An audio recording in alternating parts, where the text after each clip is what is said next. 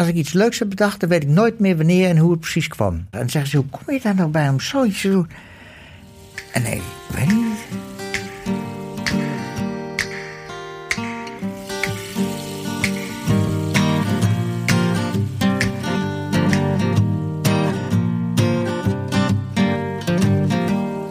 Het is 16 september 1969 en in het centrum van Amsterdam staat een boom die daar niet thuis hoort. Hij staat vlak voor het terras van Hotel Américain, de chique Art Nouveau ontmoetingsplaats waar veel schrijvers, acteurs en kunstenaars bij elkaar komen. Wim T. Schippers, dan 27 jaar oud, zit op die nazomerse dag op het terras en kijkt naar de boom. Het is een gigantische kerstboom, compleet met lampjes, kerstballen en kerstslingers. Naast de boom wappert een grijze vlag. In die linkerhoek, als je ervoor staat, daar was dan die, die kerstboom. En in de rechterhoek was een grote vlaggenmast met een lichtgrijze vlag. En sommigen dachten, ja, dat is zeker een witte vlag bedoeld of zo. En heeft dat iets met die kerstboom te maken. Het was ook nog het was allemaal een raadselachtige vertoning ineens op het Leidseplein. Die kerstboom zette hij bewust aan het eind van de zomer neer. Niet midden in de zomer, dat, vond ik veel, dat, dat, dat riekt naar humor. Terwijl gemeentewerkers de boom optuigen, kijkt Schippers toe vanaf het terras van Hotel Américain. Het was ook helemaal niet duidelijk wie dat had gedaan. Dat hoorde er ook bij. En ik zat gewoon op het terras, ook weer met een biertje zo te kijken. Dus ik kon allemaal die mensen anders zijn.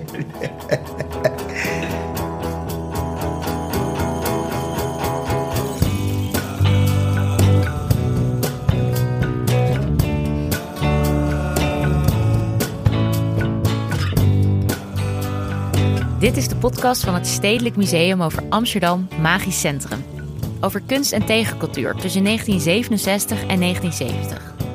In vier afleveringen dwalen we samen met kunstenaars, dolomina's en andere hoofdrolspelers door het Amsterdam van toen.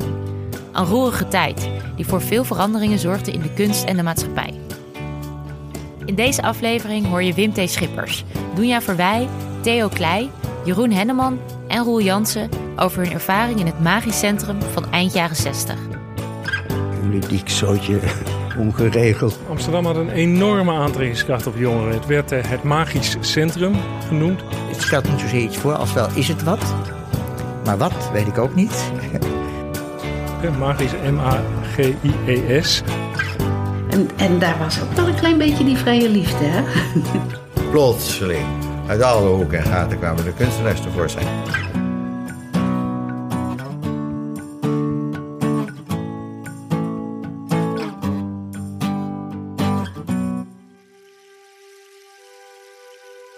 Terwijl Wim T. Schippers op het ludieke idee komt om een kerstboom op te tuigen in september, trekken hippies uit de hele wereld naar Amsterdam. De stad wordt gezien als een vrijhaven, een plek waar alles kan, waar je kunt experimenteren met drugs en vrije liefde. De toestroom van jongeren concentreert zich eerst in het hart van de stad. Het monument op de Dam is de ontmoetingsplek. Eerst hangen de jongeren er vooral, zoals we dat nu zouden zeggen, maar ze blijven steeds langer. En omdat ze niet veel geld hebben, overnachten ze op het monument, gewoon in de buitenlucht. Uiteindelijk is de politie het zat en moet de marine eraan te pas komen om de jongeren van de Dam te verjagen. Ze verhuizen dan met hun lange haren en gitaren naar het Vondelpark, om de hoek van het Leidseplein, waar die raadselachtige kerstboom van Wim T. Schipper staat. Langzaam, en zeker niet als baanbrekers op dit gebied, schoot een gedeelte van de Amsterdamse jeugd zich om tot hippie. De verslaggever uit dit Polygoonjournaal van begin jaren 70 beschrijft wat die hippiecultuur inhoudt. De hippies die hun wortels hebben in de denkwereld van de geweldloosheid en ook in de wereld van beatmuziek, geestverruimende middelen en popart zijn een vreemd verschijnsel. Een groot deel van hun leven wordt beheerst door de middelen die geestverruimend worden genoemd. Lief zijn voor ieder is hun oplossing voor de problemen. Het was ook die tijd van het zoeken naar verruimen, geestverruimende middelen en andere uh, ervaringen. En, Dit is Dunja Verwij. Zij is een van de oprichters van emancipatiebeweging Dolomina, waar we in de volgende aflevering alles over zullen horen. Wiet en hash en wat er allemaal nog meer te verkrijgen was. En, en daar was ook wel een klein beetje die vrije liefde. Hè? Dat uh, hoort wel een beetje in die sfeer. Begin jaren 60 komt Dunja Verwij voor haar studie naar Amsterdam, vanuit het wat burgerlijke Leiden. De jonge Verwij voelt zich aangetrokken tot de roerige hoofdstad, Maar haar ouders zijn helemaal niet zo enthousiast. Mijn ouders wilden liever dat ik in Leiden ging studeren. Maar dat vond ik zo veilig en zo en zo saai. Leiden is een geweldige studentenstad, maar daar beleefde je toch niet het hele leven. Ja, uh, ik, ik, ik, moest natuurlijk wel een beetje mijn ouders uh, geruststellen. Want Amsterdam had al een naam van uh, daar gebeurt zoveel. Verwij beschrijft de sfeer in de stad als vrijmoedig en open. Het is een tijd waarin veel mogelijk is en er groot geloof heerst in een betere toekomst. Uh, en dus liepen we ook rond in uh, kleding die dat symboliseerde. Mooie Indiaanse jurken, dat stond om zo prachtig. India-kleding, dat was helemaal hip. Na San Francisco en Londen heeft nu ook Amsterdam kennis gemaakt met de Love Inn. En 8000 hippies hebben er de oude rij voor opgezocht. High in de Rij was de verzameltitel waaronder men hier lief zijn wilde. Op verschillende punten in de immense zaal waren podia opgericht waarop beatbands die hoeveelheid geluid produceerden zonder welke een jeugdfeest tegenwoordig geen feest meer is. En velen gaven zich met grote intensiteit over aan de dans, waarbij enkelen zelfs in trance geraakten.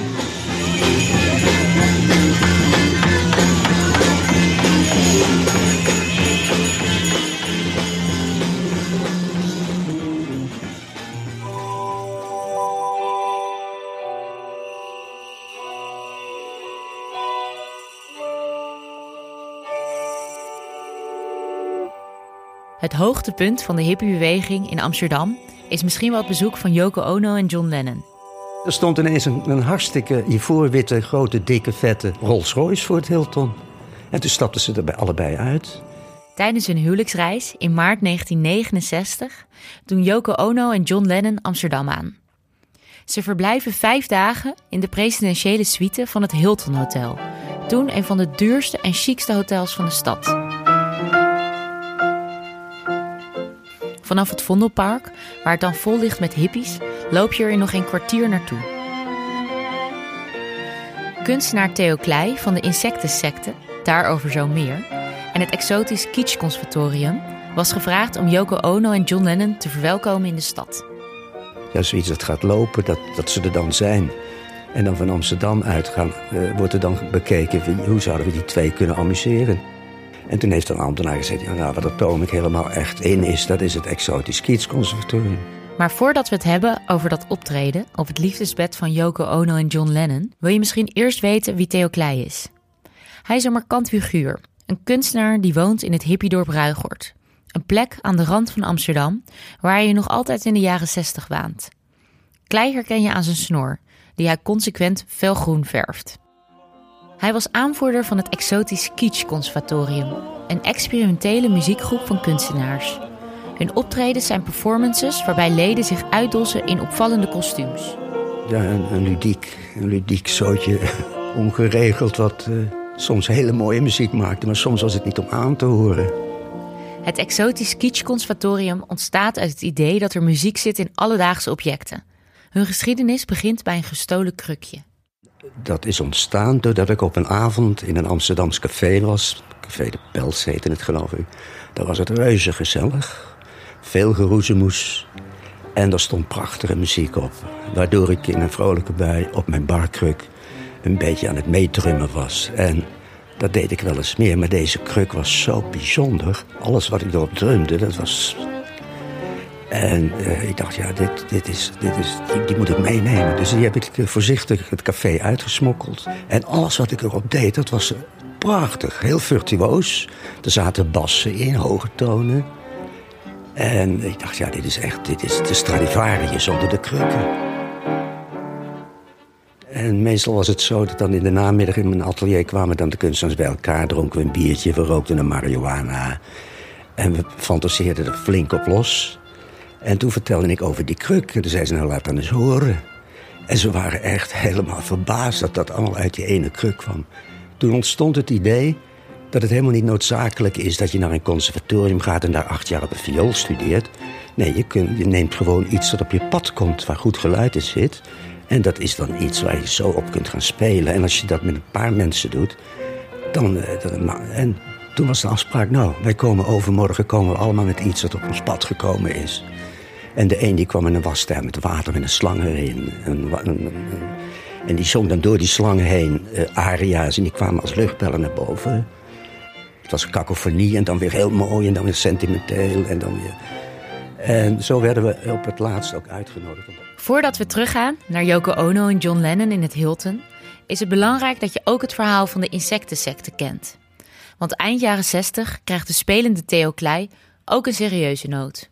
In 69 begint hij een milieubeweging als hij op tv beelden ziet van een natuurramp. En toen uh, vernamen wij uh, dat er bij Ameland was er een enorme olievlek gelekt van een of ander schip. En dan zag je op de telegraaf grote zwart-wit vogels die onder de terende pek zaten. En toen dachten we, nou, we gaan met dat exotisch kietsconservatorium gaan we gewoon even iedereen op patent maken dat dit.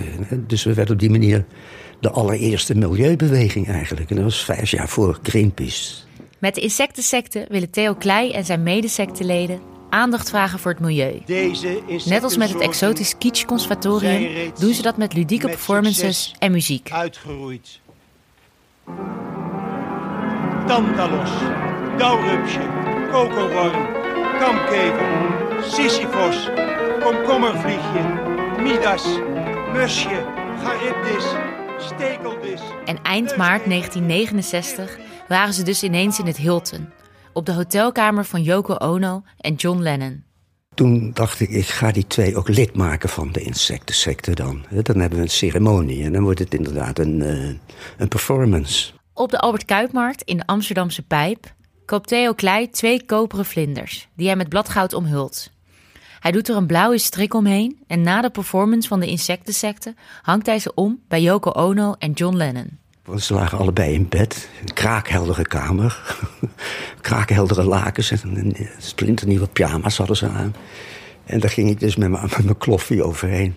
En zo worden Yoko Ono en John Lennon, die in hun chique hotelbed liggen voor wereldvrede, ook lid van de magisch Amsterdamse milieubeweging van Theo Klei. We hebben een verbond gesloten eigenlijk daardoor. Het is een symbiose. En het was allebei uh, nobel en het was ook allebei noodzakelijk. The world is getting more and more violent and tense, you know.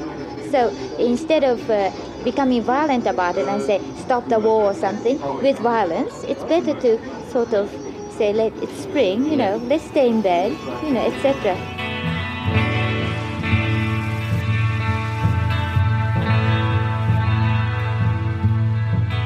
In een Amsterdams hotelbed ligt een wereldberoemde muzikant. In een Amsterdams park maken jongeren van over de hele wereld muziek. En vlak daarbij wordt in een verlaten kerk een nieuw heiligdom gesticht. Een poptempel. We staan hier voor een heel mooi gebouw wat beschilderd is, wat vroeger van de Vrije Gemeente was.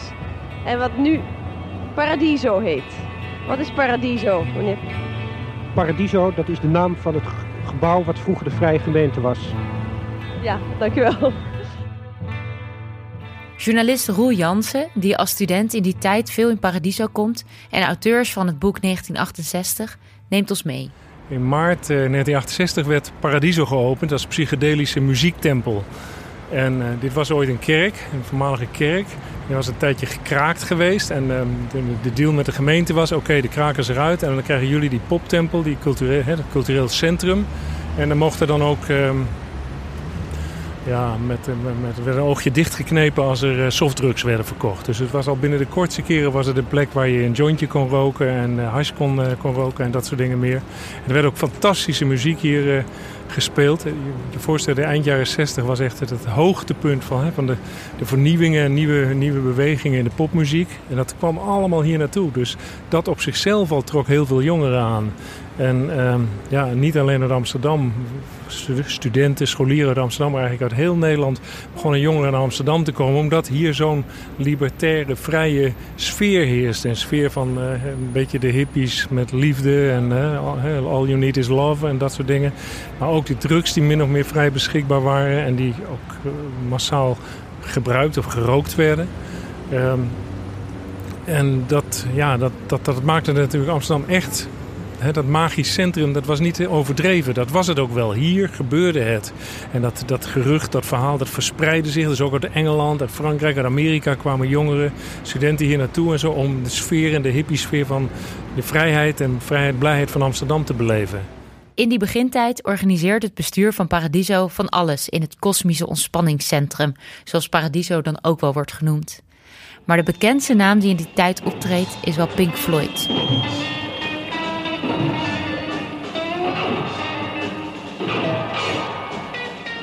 Het initiatief voor Paradiso komt van jongeren in Amsterdam, die zich proberen te verenigen en hun eigen vorm van vermaak willen organiseren. Ze hebben geen zin meer in buurthuizen van de gemeente, waar ze alleen maar kunnen pingpongen. Ze willen een plek waar ze hun eigen muziek kunnen luisteren. Maar het bijzonder, bijzondere van, van, van Paradiso eigenlijk, daarom was het ook zo uniek in die tijd. En werd het, uh, werd het ook alom uh, opgepikt. Was dat het door de gemeente gerund werd en door de gemeente uh, gesubsidieerd. Dus hier had je plotseling een, psychedelische muziektempel. Waar drugs werden verhandeld en gerookt en gedaan. Onder toezicht en onder auspiciën van de gemeente. Dat was echt nieuw. En het was bedoeld als een manier om ja, de jeugd toch een beetje tegemoet te komen. En men snapte ook wel dat het eigenlijk was geen houden meer aan. Dus dan kon je maar beter meedoen. Hè? Zoals Pieter Jong zei, hè? Uh, verend meebewegen. Dus dat deden, ze, dat deden ze in Amsterdam inmiddels heel goed. Dat hadden ze wel geleerd. Maar niet iedereen is enthousiast over wat de jongeren allemaal uitspoken in Paradiso. Jort hoofdinspecteur J. Vrijburg, die in die tijd leiding heeft over de politie rond het Leidseplein in Amsterdam. Toen Paradiso opende, had ik er wel begrip voor dat uh, de jeugd die tot dan op straat bivakkeerde en de politie last bezorgde bij het lievertje en hier op het plein uh, onder te brengen in een gebouw. En ik dacht dat het gemeentebestuur toen ook de bedoeling had om de jeugd wat zinvols te bieden daar. En uh, ik heb daar tot nu toe niet zoveel van gemerkt. Bovendien trekt zo'n gebouw uh, jeugd die uh, te jong is om zich te onttrekken aan de zuigkracht van dit uh, milieu. Een milieu dat ik persoonlijk, dat is misschien een leeftijdsverschijnsel, decadent, verdorven en in ieder geval niet geschikt voor mijn kinderen zou vinden. Dansen in Paradiso, wiet roken en experimenteren met andere drugs en vervolgens in slaap vallen onder de sterrenhemel boven het Vondelpark. De oudere generatie vond het maar niets, maar veel jongeren hebben eind jaren 60 de tijd van hun leven in Amsterdam.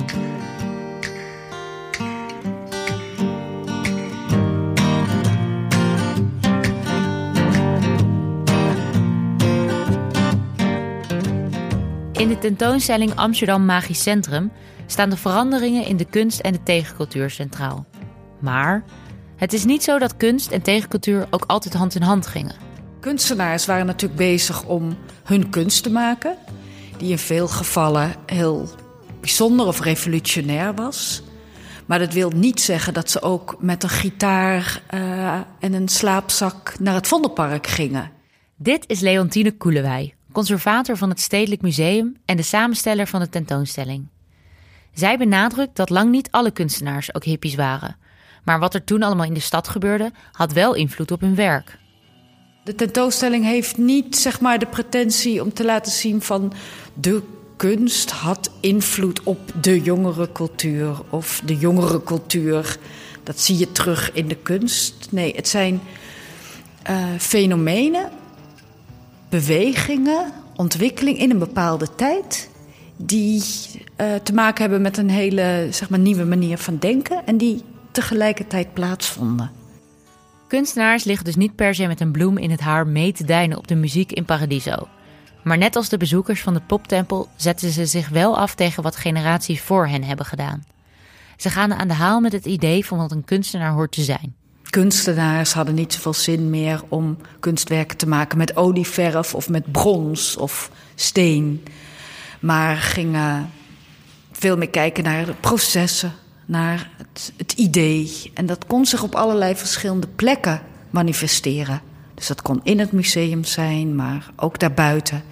En dat is best wel iets heel bijzonders voor die tijd, wat eigenlijk nooit meer is teruggedraaid. Uh, want op een gegeven moment waren al die mogelijkheden er. En werd dat ook zeg maar meegenomen door allerlei generaties daarna. Wat ik interessant vind is die gelijktijdigheid van zoveel hele bijzondere dingen op een moment, op een, in een korte periode, op een heel klein gebiedje. Je afzetten tegen. Dat is het thema van jongeren in de jaren 60. De maatschappelijke verhoudingen worden erdoor op scherp gezet en de stad verandert mee.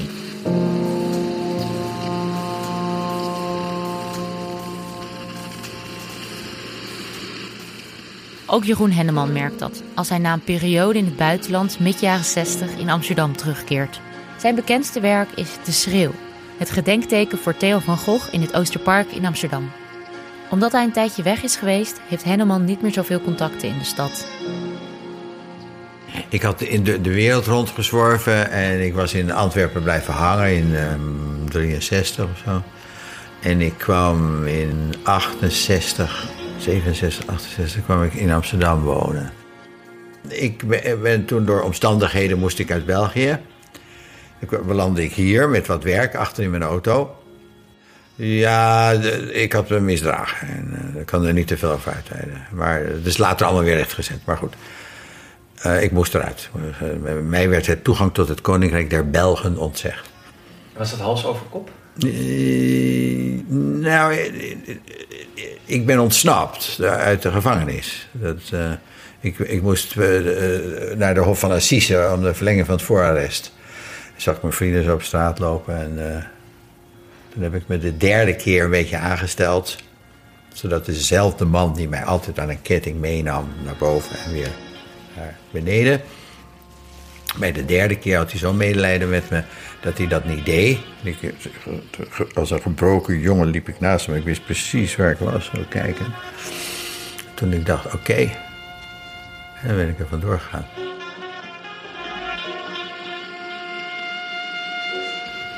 En toen heb ik wat spulletjes in, ingeladen en weer terug, gauw terug naar Amsterdam gereden. Daar ben ik nog een keer gesnapt. Dat is ook allemaal goed afgelopen. En toen uh, kende ik één man, een architect, Cor Aldershof.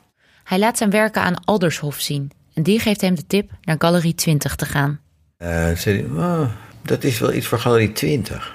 Ik zal wel eens bellen. We zijn naar binnen. Ja, ze zijn, ze zijn open, dus ga er maar heen. Op de Keizersgracht bij de Leidse straat. Daar kon je ook nog met je auto doorgaan. En dus uh, ik daarheen, mijn auto voor de deur, galerie 20. Ik dacht, joh, is dat nou weer? Heel klein. Galerie 20, dat is naast de galerie waar nu Borzo zit. Als je ervoor staat aan de linkerkant, dat is het huis van Benno Premsela. En die had dat aan Felix Valk, galeriehouder Galerie 20, gegeven. Zijn vader was een bekende schilder. En die uh, zei ook, nou, wat heb je bij je? Ik zei, nou ja, we hebben één dingetje bij me, liet het zien. Uh, ik liet het zien en zei hij, uh, zou je over drie maanden kunnen tentoonstellen? Ik zei, ja, tuurlijk. Galerie 20 is een van de eerste kunstgaleries van Amsterdam, waar ze zich vooral richten op jonge, vernieuwende kunstenaars. Ze zijn enthousiast over het werk van Henneman. Zijn werk is uiteenlopend. Zo maakte hij in de jaren 60 een reeks sculpturen van huishoudelijke voorwerpen. Wie langer kijkt, ziet dat er grapjes in verborgen zitten. En in één jaar tijd krijgt hij twee exposities in de galerie. Ik was een soort wonderkind, want ik had dus twee tentoonstellingen.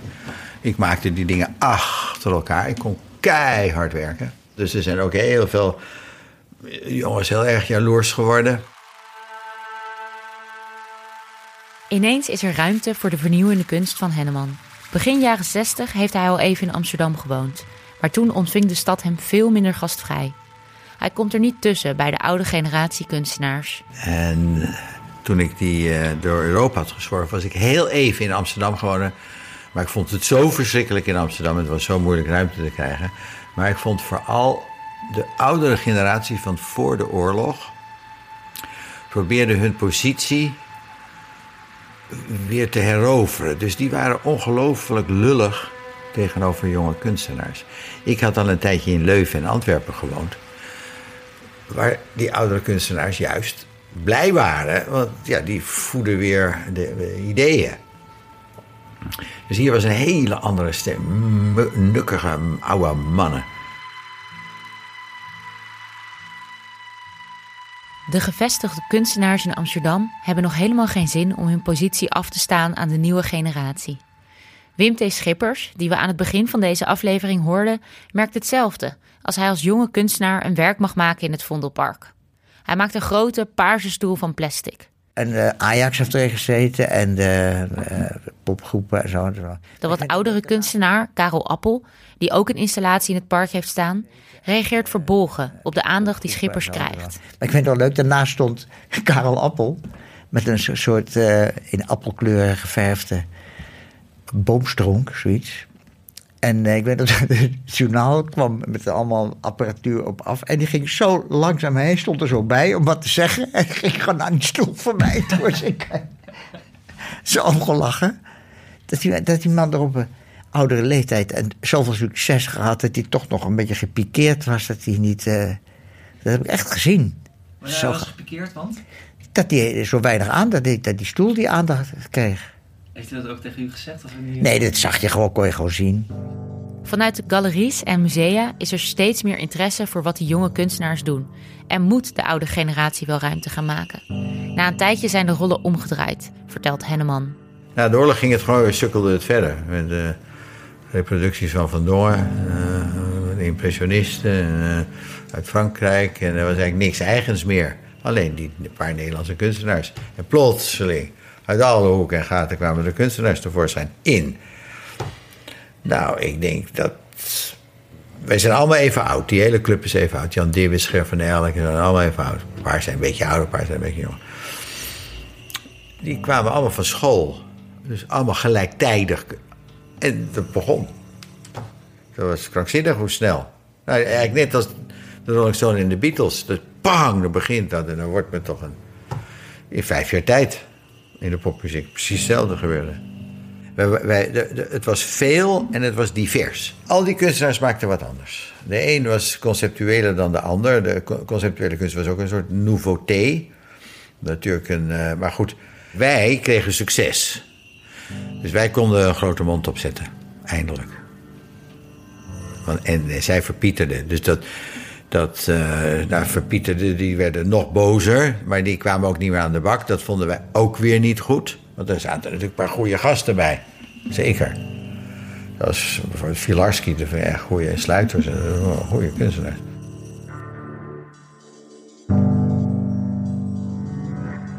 Er was, er was wel een schaduw. Dat was Marcel Duchamp. Marcel Duchamp had eigenlijk alles al gedaan. Wat je kon verzinnen. Ook conceptuele kunst. Alles, alles, alles. Dat waren, tenminste, ik was me dat terdege bewust. En eh, eigenlijk alle goede kunstenaars waren zich terdege bewust. Dus dat gaf een extra push om daar op of nog beter op te preluderen. Of te kijken of, of je het nog scherper kon stellen dan Duchamp het had gedaan. Maar Duchamp had het al zo geniaal gedaan. dat was echt moeilijk. Dat hij dan liet hij een draad vallen op de grond. En die vorm die die draad liep, die zaagde die uit hout. En die legde die dan in een doos. Ja, ik wel. Ik vond het fantastisch dat je. Dus die man is voor die hele groep volgens mij van belang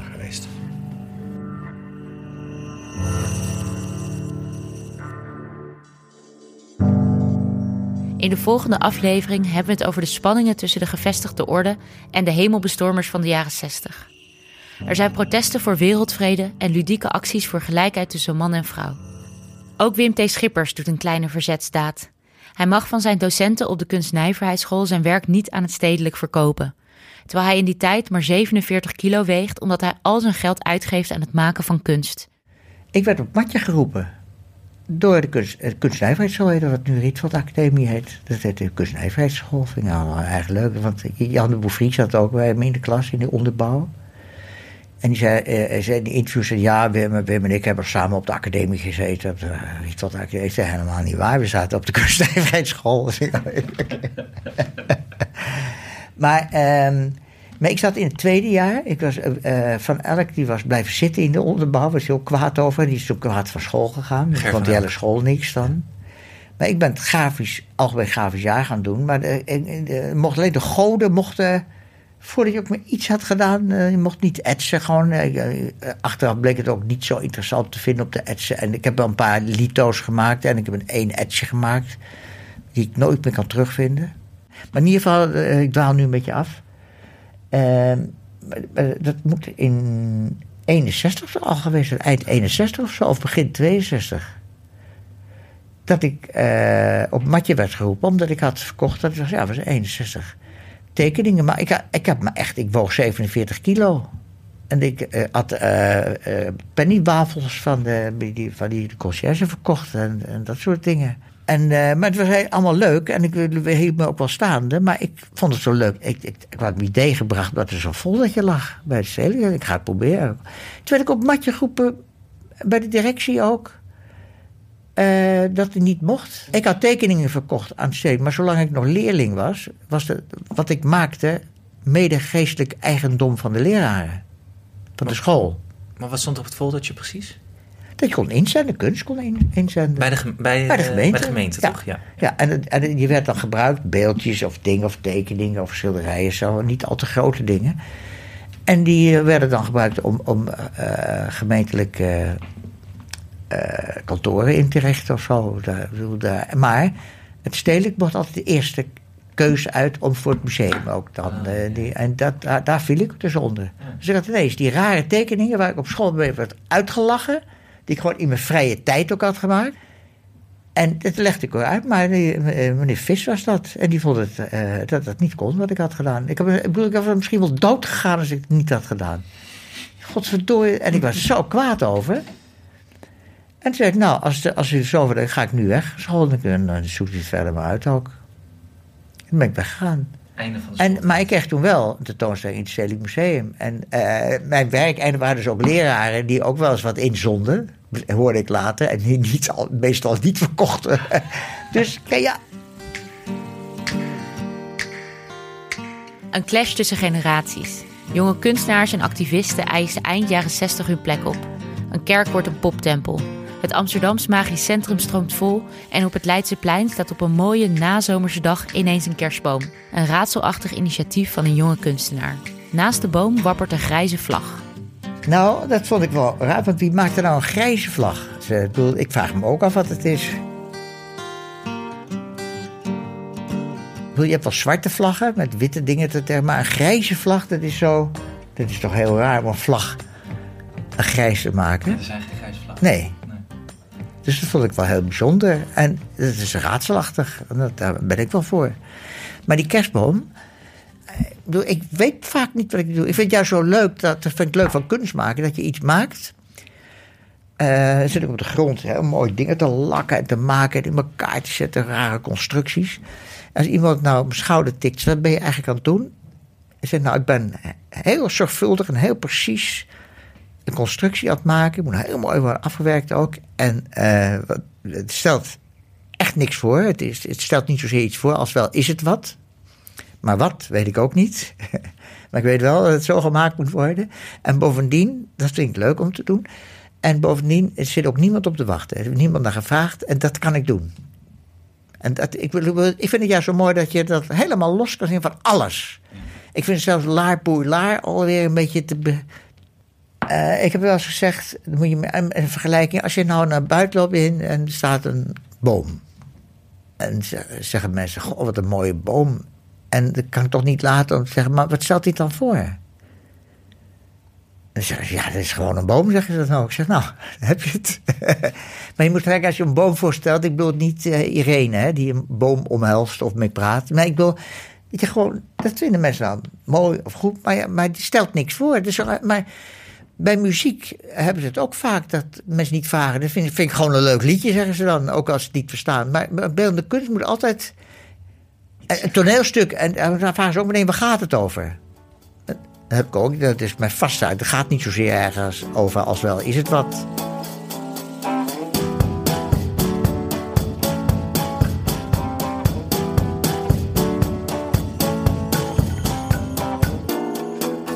Dit was de eerste van vier afleveringen van de podcast Amsterdam Magisch Centrum van het Stedelijk Museum. Abonneer je op deze podcast in iTunes om geen enkele aflevering te missen. De tentoonstelling Amsterdam Magisch Centrum loopt tot en met 6 januari 2019. Voor meer info en tickets ga je naar www.stedelijk.nl. Deze podcast is geproduceerd door Anne Janssens en Misha Melita van Dag en Nacht Media. Veel dank aan alle kunstenaars die ons ruimhartig te woord stonden. Dank ook aan Tjitske Mussen, Saskia Dubois, Frederike van Dorst en Leontine Koelewij. De muziek in deze podcast is speciaal hiervoor ontworpen door audiostudio Cloak. Dank Adriaan en Daniel. Mijn naam is Yukiko. Tot de volgende aflevering. Dan ontmoeten we elkaar op het Spui in Amsterdam. Ik wil niet speciaal altijd tegen de eh, draad in zijn, maar ik wil gewoon blijven maken wat mij goed dunkt. Gewoon. Maar ja, ik weet ook eigenlijk nog steeds niet wat ik worden wil. Dus. en jij?